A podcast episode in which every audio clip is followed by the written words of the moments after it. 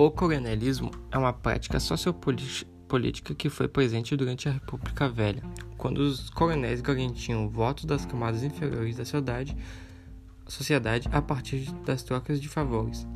Essa prática acontecia majoritariamente em municípios rurais. Mas como eles surgiram?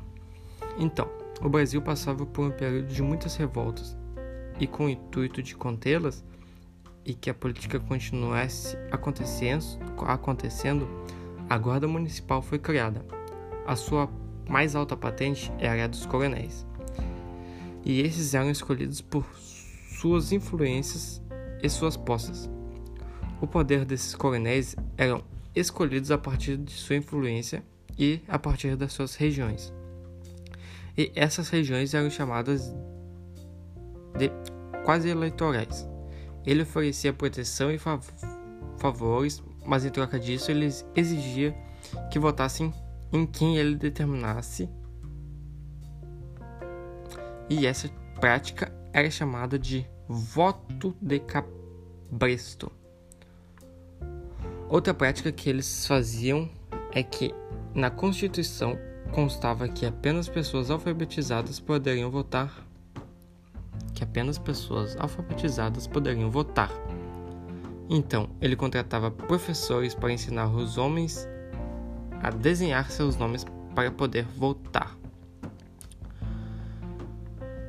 Uh, com todo esse cenário existente nessa época, nos leva a uma frase do Augusto dos Anjos, que diz: A mão que afaga é a mesma que apedreja o que dá para relacionar com o coronelismo, no mesmo que o coronel pode ser muito legal com a população, ele pode muito bem ser ruim com o pessoal, caso eles não fizessem o que ele queira.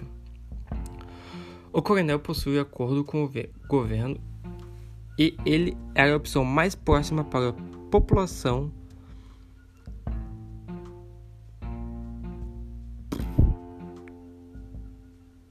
Ele era a opção mais próxima para a população chegar no Estado.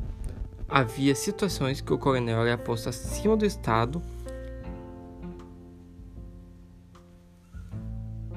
tinha ações que o mesmo que posto acima do Estado após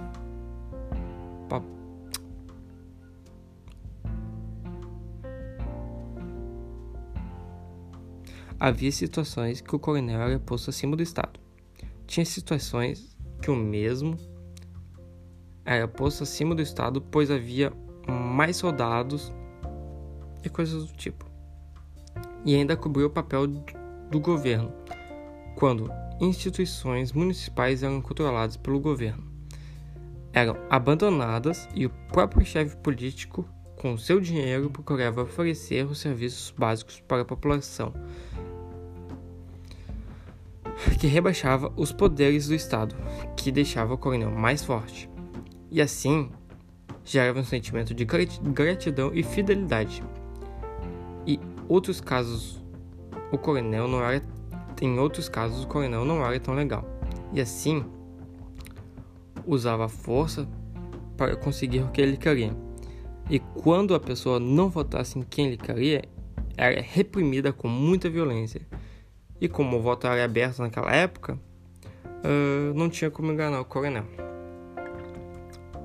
Um exemplo de um, de um coronel muito famoso, que foi muito admirado na época, foi o Padre Cícero. Uh, existiram alguns movimentos de resistência ao corone, corone, coronealismo, só como os, uh, como os cangaceiros.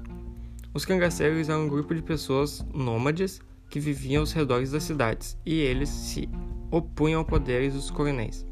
Ao entanto, eles utilizavam violência extrema, assim como alguns coronéis. E os atos de violência iam desde roubos, assassinato até estupro. O coronelismo perdeu seu espaço como organização dos centros urbanos, causando o êxodo rural, e também com a Revolução de 30, liberada por Getúlio Vargas,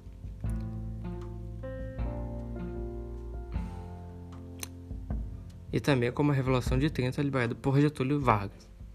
Entretanto, hoje em dia existem práticas que podem ser caracterizadas como coronelismo moderno, como a corrupção eleitoral e grande influência das mídias sociais a respeito de determinado candidato, funcionalismo político, que é demitir as pessoas caso não vote em quem a empresa decidiu.